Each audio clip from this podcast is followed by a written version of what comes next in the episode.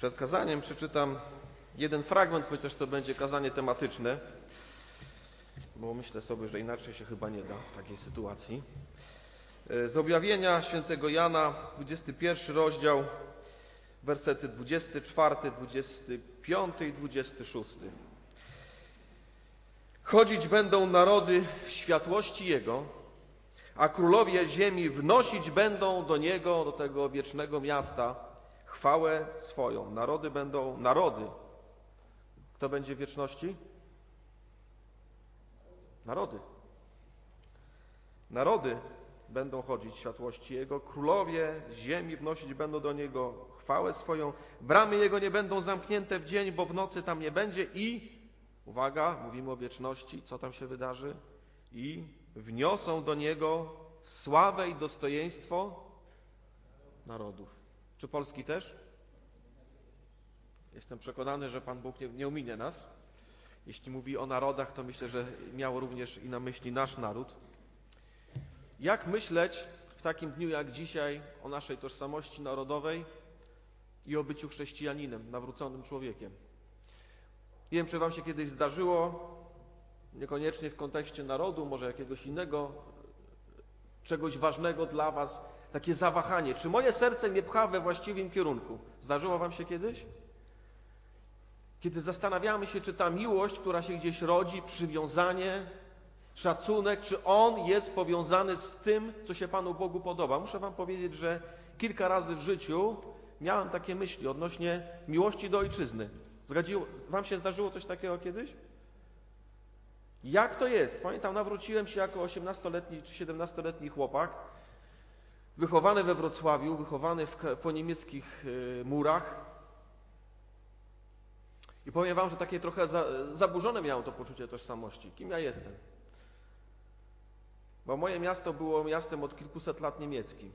Słyszałem w nim język polski, to języku polskim do mnie wszyscy mówili, ale kim ja jestem? Tak naprawdę dopiero ciekawe po nawróceniu Bóg mnie przekonał, że moja tożsamość, którą mam, którą mi dał, właśnie ta tożsamość polska też jest darem, też jest czymś cennym, też jest czymś, co powinienem przyjąć z Jego ręki, czymś, nad czym muszę uważać, bo niestety tożsamość narodowa ma taką brzydką cechę, że potrafi nas skierować do bałwochwalstwa, kiedy bardziej kochamy naród niż Boga. Ale to nie oznacza, że ta miłość jest zła. I to nie oznacza, że ta miłość jest czymś skażonym samym w sobie, bo nie jest. Tak samo jak miłość do matki, do ojca, do męża, do żony może się okazać bałwochwalczą miłością? Czy nie może? Może. A czy jest zła z tego powodu? Nie jest zła. I tak samo jest z miłością do ojczyzny. I tak samo jest z miłością do ojczyzny. Chciałbym powiedzieć dzisiaj o takich trzech wątkach, które się spotykają w tej dzisiejszej szczególnej dacie, właśnie w kontekście i chrześcijaństwa, i ojczyzny, i tego, że jesteśmy Polakami. A jak ktoś nie jest tu Polakiem, to może sobie swoją ojczyznę podstawić pod to słowo. To są trzy tematy: wolność, ojczyzna i królestwo. Wolność, ojczyzna i królestwo. Czy Bóg ceni wolność? Myślę, że ceni wolność, dlatego że to jest Jego własna cecha. Pozwólcie, że się podzielę moją definicją wolności.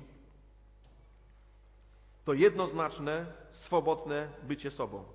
Bez zahamowań, bez jakiejś niepewności, bez kompleksów, bez nieznajomości samego siebie, bez wątpliwości, jednoznaczne, swobodne i również niekontrolowane przez nikogo z zewnątrz. Oczywiście, że tak, wiemy, że takiej miłości nikt inny poza Bogiem nie ma. Bo my mamy i wewnętrzne zahamowania, bo samych siebie nie znamy, bo jesteśmy zagadką sami dla siebie. Bóg takiego zahamowania nie ma, bo tak jak czytamy w pierwszym Koryntian, Duch Święty bada wszystko, nawet głębokości Boże. Bóg nie jest zagadką sam dla siebie i to jest bardzo pocieszające. Zawsze jak sobie o tym pomyślę, to się cieszę, że mój Bóg sam dla siebie zagadką nie jest. W związku z tym mogę Mu zaufać. Zgodzicie się? To jest bardzo ważne. Można Mu zaufać. On jest wierny samemu sobie, tak jak śpiewaliśmy. Jak obiecał, to dotrzyma. Nie tak jak ludzie. Kiedy On obiecał, to robi to w zgodzie z samym sobą. Możemy temu zaufać. On jest wierny. A więc Bóg jest jednoznacznie swobodnie sobą. Jest dużo różnych miejsc, gdzie możemy o tym czytać. Ja przeczytam tylko jedno w e, księdze Objawienia 3:7, gdzie widzimy, że ta wolność Boża łączy się z Jego wszechmocą. I to jest bardzo, bardzo pocieszające. On zawsze jest taki, jaki jest i nikt go nie może powstrzymać. Popatrzcie, y, objawienie trzeci rozdział, werset siódmy. Nasz Pan mówi o sobie w taki sposób. A do anioła zboru w Filadelfii napisz, to mówi święty, prawdziwy, ten, który ma klucz Dawida. Fajnie, że ma klucz Dawida, ale co z tego wynika? Ten, który otwiera, a nikt nie zamknie. Czy to nie jest pocieszające? Kiedy On otwiera, czy ktoś może zamknąć? Nikt nie może zamknąć. Nikt nie może zamknąć. To jest nasz Pan. On jest wolny. W stu procentach. Jak On zdecyduje, że, żeby otworzyć, to nikt tego zamknąć nie może. A kiedy On zamknie, to nikt nie otworzy. Nasz Bóg, nasz Pan jest prawdziwie, jednoznacznie, stuprocentowo, mógłbym powiedzieć dwustuprocentowo, ale to by sensu nie miało, chociaż może by wybrzmiało lepiej, wolny. Takiego Boga czcimy. Co z tego wynika? Myślę, że wynika taka prosta rzecz, że wolność jest dobrą cechą. Zgodzicie się? Wolność jest dobrą cechą. Ale czym jest ta chrześcijańska, biblijna wolność? To jest cecha ludzi, którzy jednoznacznie wiedzą, kim są. Czy to jednoznacznie wiesz, kim jesteś w Chrystusie? Czy jesteś jednoznaczny w swoim chrześcijaństwie? Czy jesteś zintegrowany wewnętrznie w swoim chrześcijaństwie? Jeśli jesteś, jesteś wolny. Nikt ci nic nie zrobi. Pamiętacie Pawła, który siedział w więzieniu, najgorszym, śmierdzącym, ciemnym, pobity? Czy to go w jakiś sposób złamało wewnętrznie? Nie. On zaczął śpiewać i chwalić Boga. Dlaczego to zrobił? No bo wiedział, kim jest. Bo wiedział, komu służy. Bo wiedział, do kogo należy. Wolność jest czymś, co rodzi się i umiera w sercu. Jest, jest ostatecznie tym, co, co nosimy w sobie, ale, i to jest bardzo ważne, ta wolność zawsze się próbuje wcielić, przemienić świat, wpłynąć na to, co należy do nas. I to myślę, że bardzo wyraźnie widzimy w naszych domach. Gdziekolwiek bym nie wszedł, do jakiegokolwiek domu bym nie wszedł, co ja tam zastanę w tym domu? Wasz własny porządek. Zgodzicie się? Albo wasz własny nieporządek. Różnie to może być. Yy, ale widać, widać rękę pani domu w takim domu, widać troskę pana domu. Dlaczego? Bo to jest ich. I ta ich wolność, to coś, co noszą w sercu, te wartości, te przekonania, to, co dla nich ważne, to się wyraża w tej przestrzeni, którą mogą zagospodarować. I popatrzcie, że tak samo jest z wolnością innych podmiotów, z wolnością yy, chociażby samorządu warszawskiego, czy Krakowa. Ostatnio byłem w Krakowie. Kraków jest inny niż Warszawa. Nie mówię, że zły, jest inny. Jest inny. Dlaczego? Bo to wszystko, bo to wszystko jest inne. Bo, bo właśnie to, ten samorząd, to, to, dziedzictwo, o którym też dzisiaj jest powiedziane, było już mówione, ono, on to wpływa na to, kim jesteśmy i wpływa na to, jak, jak, jak tą przestrzeń naszą własną gospodaru, gospodarujemy, jak, ją, jak, jak nią zarządzamy, co jest dla nas ważne, co jest dla nas wartościowe. A więc wolność zawsze się wyraża. Zawsze szuka tego, żeby się okazać okazać na zewnątrz z naszych serc, z tego, co nosimy w swoim sercu. I dlatego tak ważna jest ta wolność. Kiedy tutaj brat Włodek mówił o tym, że oni z taką radością, z taką wdzięcznością mówili, poradzimy sobie. Dlaczego oni to mówili? Bo mamy przestrzeń. Bo mamy przestrzeń, bo idziemy, bo możemy coś wreszcie w zgodzie z tym, co nosimy w sercach, co ja jestem przekonany, Pan Bóg zasiał, możemy w zgodzie z tym żyć i chcemy z tym żyć i sobie poradzimy. To tak jak młode małżeństwo, które przychodzi do nowego domu, czy rozpacza, że jest pusto? Nie. Chwała Bogu. Chwała Bogu. Poradzimy sobie. Obyśmy sobie radzili. Jeszcze jedna uwaga odnośnie wolności. Niestety dzisiejsza wizja wolności, wizja wolności, która nas otacza, wizja wolności, która nam towarzyszy wokół jest kompletnie fałszywa. I to jest wizja wolności, która polega w skrócie na odrzuceniu wszelkiego porządku, w tym również Bożego porządku. Nie mów mi, jak mam żyć. To jest moja wolność. Nie mów mi o Bożych prawach, bo, to, bo ja mam prawo być wolny. Nie mów mi o wartościach, nie mów mi o przekonaniach, nie mów mi o niczym, nie mów mi nawet o tym, czy jestem kobietą i mężczyzną. O niczym mi nie mów. Ja mam prawo sam o sobie decydować, ale względem, jak ty chcesz sam o sobie decydować? Czym chcesz się posłużyć w tej, w tej decyzji? Okazuje się, że nie ma odpowiedzi. Nie ma, bo wszystko, jakikolwiek zestaw porad, jakikolwiek zestaw wartości, przekonań. Wszystko jest odrzucane jako zło, które niszczy wolność. Czy to jest prawda? Czy to jest prawda? Myślę, że widzimy, że to jest, to jest kompletne zaprzeczenie wolności. Nie ma wolności bez Boga. Nie ma wolności bez naśladowania Jego natury. Nie ma wolności bez treści, która wypełnia nasze serca, bo jeśli nasze serca żadna treść nie wypełnia, to wypełni je grzech, wypełni je zgorzknienie, wypełni je beznadzieja, wypełni je pustka, egoizm i będziemy niewolnikami grzechu, a nie ludźmi wolnymi. Co z tego wynika wszystkiego, co powiedziałem? Taka prosta myśl, którą chciałbym Ci zostawić w kontekście wolności. Bądź wolny w Chrystusie. Galacjan 5 rozdział, pierwszy werset mówi Chrystus nas wyzwolił do tej wolności. Stójcie więc niezachwianie, nie poddawając się w jarzmo niewoli. Można się poddać w jarzmo niewoli jako chrześcijanin? Można. Można. Można tą wolność, tą treść, która może wypełniać nasze serca, łaskę Bożą, można to wszystko jakoś wychłodzić, ostudzić, pododawać tam do tego serca mnóstwo różnych innych rzeczy. I ostatecznie to wszystko już nie będzie działać tak, jak u apostoła Pawła, ani, ani tak, jak nawet u naszego Pana, na którego zawsze ostatecznie powinniśmy patrzeć. A więc bądź wolny w Chrystusie. Wiedz, kim Cię uczynił. Znaj łaskę Bożą. Przepełniaj swoje serce łaską Bożą, treścią Bożą, miłością Bożą, prawdą Bożą i nie ulegaj nikomu innemu. A Chrystus poprowadzi Cię do dobrych rzeczy. Między innymi również jestem przekonany i do miłości tych, którzy są wokół Ciebie. Tyle o wolności. Ojczyzna. Ojczyzna, naród. To wspólnota zrodzona z grzechu. Księga Rodzaju, 11 rozdział nam mówi, że jak powstały, powstały narody. No niestety powstały w taki sposób, że Pan Bóg y, zmieszał tą jedność ludzkości, która była zła. Dlaczego była zła? Dlatego, że była bałwochwalcza. Ludzkość zgromadzona pod wieżą Babel powiedziała: Uczyńmy sobie imię, abyśmy się nie rozproszyli. I takie dwie rzeczy tu się łączą. Jedna to nieposłuszeństwo Bożemu przykazaniu, które chciało, żeby ta ludzkość poszła w, to, w, tą, w tą ziemię. Żeby zapełniła, zaludniła tą ziemię, a ludzkość mówi, nie, tam jest y, ciężko, tam jest trudno, my sobie tutaj będziemy takie super mocarstwo sobie stworzymy, będziemy sobie siedzieć, będzie nam fajnie.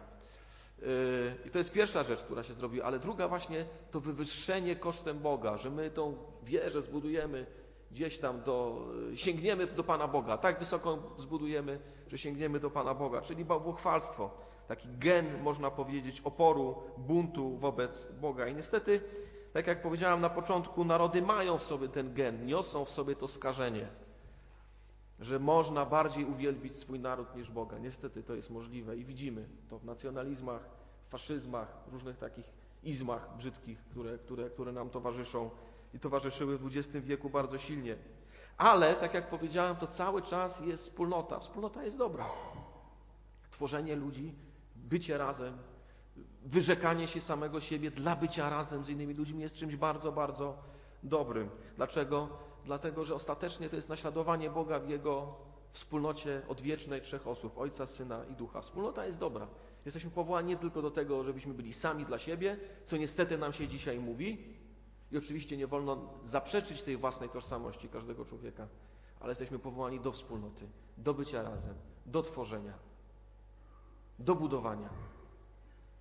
I dlatego myślę, naród jest dobry. Dlatego również naród jest dobry, że Pan Bóg czemu pomieszał te języki? No żebyśmy się jednak rozprzestrzenili, żebyśmy jednak dotarli do różnych dziwnych miejsc na ziemi i faktycznie ten Boży plan się spełnił. A więc naród spełnia dobry Boży plan. Pomimo tego skażenia, pomimo tego ryzyku, ryzyka spełnia Boży dobry plan, żeby tą ziemię ludzkość czyniła sobie poddaną. I tak jest. Popatrzcie, gdzie nas Pan Bóg umieścił? Tutaj. Czy czujemy się związani z tą ziemią? Czujemy się. Czujemy się. To jest nasza ziemia. Dana nam od Boga. Dalej patrząc, Bóg nie chce cofnąć czasu, czyli innymi słowy, kiedy przychodzi Pan Jezus, to nie jest tak, że On mówi, teraz skończymy już z ideą narodów. Ma nie być narodów. Kiedy patrzymy na pięćdziesiątnicę, na sam początek Kościoła, na Jego narodziny, to co słyszymy? Jeden niebiański język? Nie. Co słyszymy? Wszystkie języki. Wszystkie języki. I te wszystkie języki są połączone jedną wspólną treścią, ogłaszaniem wielkich dzieł Bożych. A więc zwróćcie uwagę, że Bożym planem w Jego planie zbawienia dla człowieka jest to, żeby te języki trwały, żeby były połączone jedną Bożą treścią, ale nie tym, żeby jakoś, jakąś taką urowniłowkę zrobić, że zrobimy, wszystko wsadzimy do kupy, zmielimy jakiś taki jeden hiper, nie wiem, jeden, jeden, jakiś, jakiś, jeden uniwersalny naród nam wyjdzie. Nie, to nie jest Boży plan. To nie jest Boży plan. Boży plan to, to jest jedna treść, która chwali Boga we wszystkich językach świata, we wszystkich językach narodów. Czy to nie jest piękne? Czy to nie jest wspaniałe, że Bóg w tych wszystkich narodach potrafi coś dobrego wydobyć i odebrać sobie chwałę? I to, co przeczytałem na samym początku, Księga Objawienia, 21 rozdział, od 24 wersetu, ja nie wiem do końca, jak to się spełni w sensie doświadczalnym, ale wiem, że jest coś cennego i pięknego, co Bóg w cudzysłowie hoduje w narodach. I ta, ta wartość, czasami się zastanawiam, że to jest teologia, może pieśń. Na przykład tacy Holendrzy są bardzo dobrzy w teologii, y, Ukraińcy bardzo ładnie śpiewają, y, wszyscy są Polacy dobrzy. We wszystkim. Dziękuję, Marku. A może Pan Bóg jeszcze wykształci w ciągu następnych 500 lat jakąś bardzo ważną wartość, którą wniesiemy dopiero. Może wszystko przed nami, słuchajcie. Może wszystko przed nami. Może dopiero się okaże, co jest tą naszą wartością, którą w tą wieczność wniesiemy. Nie wiemy, ale wierzę, że Pan Bóg działa w naszym narodzie, w nas, jako ludziach wierzących w naszym narodzie, dla swoich ważnych, pięknych, chwalebnych, dobrych celów. Cieszmy się z tego. Cieszmy się, bo to jest dobre. Co z tego wynika? Eee, bądźmy wdzięczni za swój naród. Naród jest czymś, co spotyka nas na samym początku. Bo czy, jak uczy, są takie słowa, które gdzieś są identyczne we wszystkich prawie słowach, e, językach, tak jak mama. Ale jak już dziecko opanuje słowo mama, to co się pojawia? Pewne różni tata czasami, czasami am. Różnie to bywa, co tam jest priorytetem. Ale słuchajcie, ale prędzej czy później pojawia się język. A co to jest język? To jest naród. Zgodzicie się?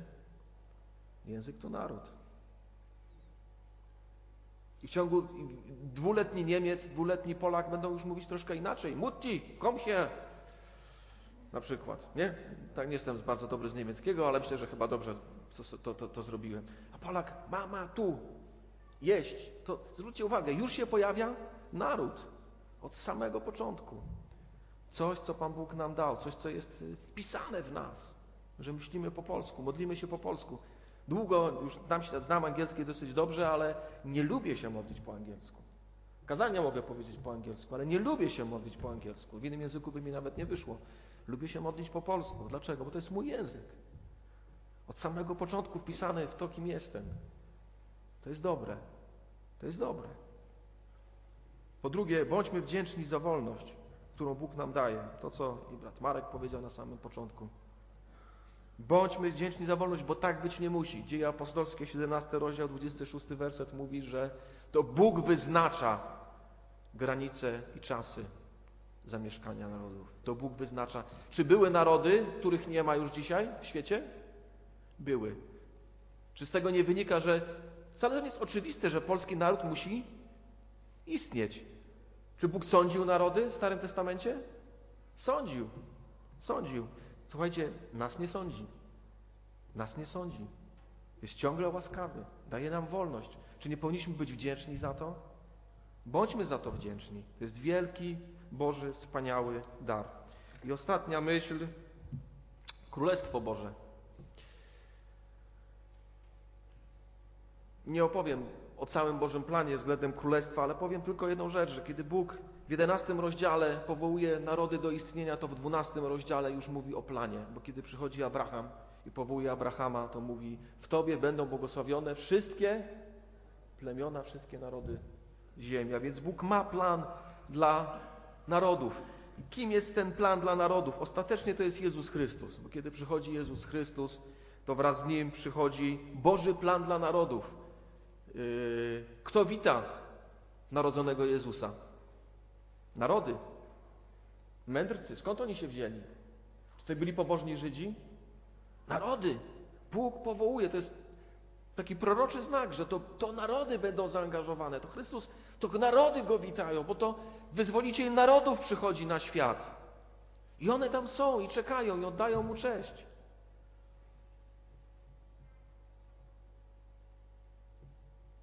Łukasza, yy, może jeszcze inaczej, Galacjan 3,16, gdzie czytamy o tym, że, że spełnieniem tej obietnicy Abrahamowej jest Jezus Chrystus, Jego potomek. Też nie będę wchodzić w szczegóły. Ale co robi ten Jezus, który jest nadzieją narodów? Co On robi? On posyła nas, swój Kościół, do narodów. On nas posyła. Łukasza 22-29 mówi: Przekazuję wam królestwo, tak jak ojciec mi je przekazał. Wam przekazuję królestwo. Co mamy robić w tym królestwie? Modlitwa Pańska nas uczy, co mamy, o co się mamy modlić? Przyjdź, królestwo Twoje. Bądź wola Twoja, jako w niebie, tak i na ziemi. Mamy rozprzestrzeniać to królestwo. Przekazane zostało w nasze ręce, mamy rozprzestrzeniać i wszyscy znamy oczywiście Ewangelię Mateusza, 28 rozdział, gdzie jest powiedziane idźcie i czyńcie uczniami wszystkie narody, ucząc je wszystkiego, co wam przykazałem, a oto ja będę z wami, ja jestem z wami w tym dziele. Idźcie, róbcie, ja będę przy was, ja się będę wami opiekował, ja was będę strzegł, ja was będę prowadził. Rzymian 14, 18 Królestwo Boże to nie pokarm i napój, ale sprawiedliwość, pokój i radość w Duchu Świętym. To my mamy zanieść to królestwo. To my mamy przemienić te narody. My, czyli Kościół. My, czyli obywatele Królestwa Niebios. To my jesteśmy solą ziemi. Ewangelia Mateusza, piąty rozdział. Co z tego wszystkiego wynika? Prosta bardzo myśl, do której chciałbym Was zachęcić. Bądźmy błogosławieństwem dla Polski. Prosta myśl, ale ważna. Czasami jako ewangeliczni chrześcijanie, jako baptyści mamy takie podejście, niech się świat martwi sam o siebie, my mamy bilet do nieba, lecimy do nieba, czekamy, Pan Jezus wróci, będzie fajnie. Czy to jest naszym zadaniem? Czy to jest naszym zadaniem? A może powinniśmy wziąć odpowiedzialność za to królestwo, które nam zostało powierzone? A może powinniśmy wziąć odpowiedzialność za naród, w którym nas Bóg postawił? Czy nie czytamy, że mamy się modlić w pierwszym Tymoteusza, drugi rozdział? Mamy się wstawiać za nasz naród, żeby był pokój, żeby było błogosławieństwo, żeby ten naród trwał i istniał? Ale czy nie mamy również, tak jak Jakub nas poucza, być zatroskani o dzieło miłosierdzia, o okazywanie praktycznej miłości? Co jest czystą, co jest czystą pobożnością przed naszym Panem? Czy tylko to, żeby zachować się niesplamionym od świata? Czy nie również to, żeby się troszczyć o, o wdowy i o sieroty? Popatrzcie, to jest nasze zadanie, to jest prawdziwa pobożność. I w końcu ciekawa rzecz na koniec, konfrontowanie bram piekieł. Ostatnio taki bardzo ciekawy komentarz przeczytałem do Ewangelii Mateusza, gdzie jest powiedziane, że Pan Jezus mówi, zbuduję kościół mój, bramy piekielne go nie przemogą. Zawsze się zastanawiałem, jak te bramy piekielne mają przemóc. Bramy stoją zazwyczaj, nie chodzą. I o co chodzi z tymi bramami? Usłyszałem bardzo ciekawe wytłumaczenie, gdzie jest powiedziane, że bramy to jest miejsce autorytetu. Bóg mówi o swoim kościele. Zbuduje mój kościół, moje zgromadzenie, bo eklezja to jest tak naprawdę słowo pochodzące z języka polityki. Eklezja zbuduje moje zgromadzenie, mój kościół, a bramy piekielne, taki drugi przeciwważny, można powiedzieć, autorytet na ziemi, nie przemoże go. Ale co to oznacza? To oznacza, że mam coś do zrobienia na ziemi. Zgodzicie się? Coś mamy do zrobienia. Nawet te autorytety piekielne ma, jakby nie, nie są w stanie nam, nam zabrać zwycięstwa. Tylko pytanie, czy my w ogóle stoimy. Tylko pytanie, czy my w ogóle się zastanawiamy nad tym, żeby coś zrobić. Czy w ogóle podejmujemy to wyzwanie, żeby się zatroszczyć o tych, którzy są wokół nas. Bądźmy błogosławieństwem dla Polski. Amen.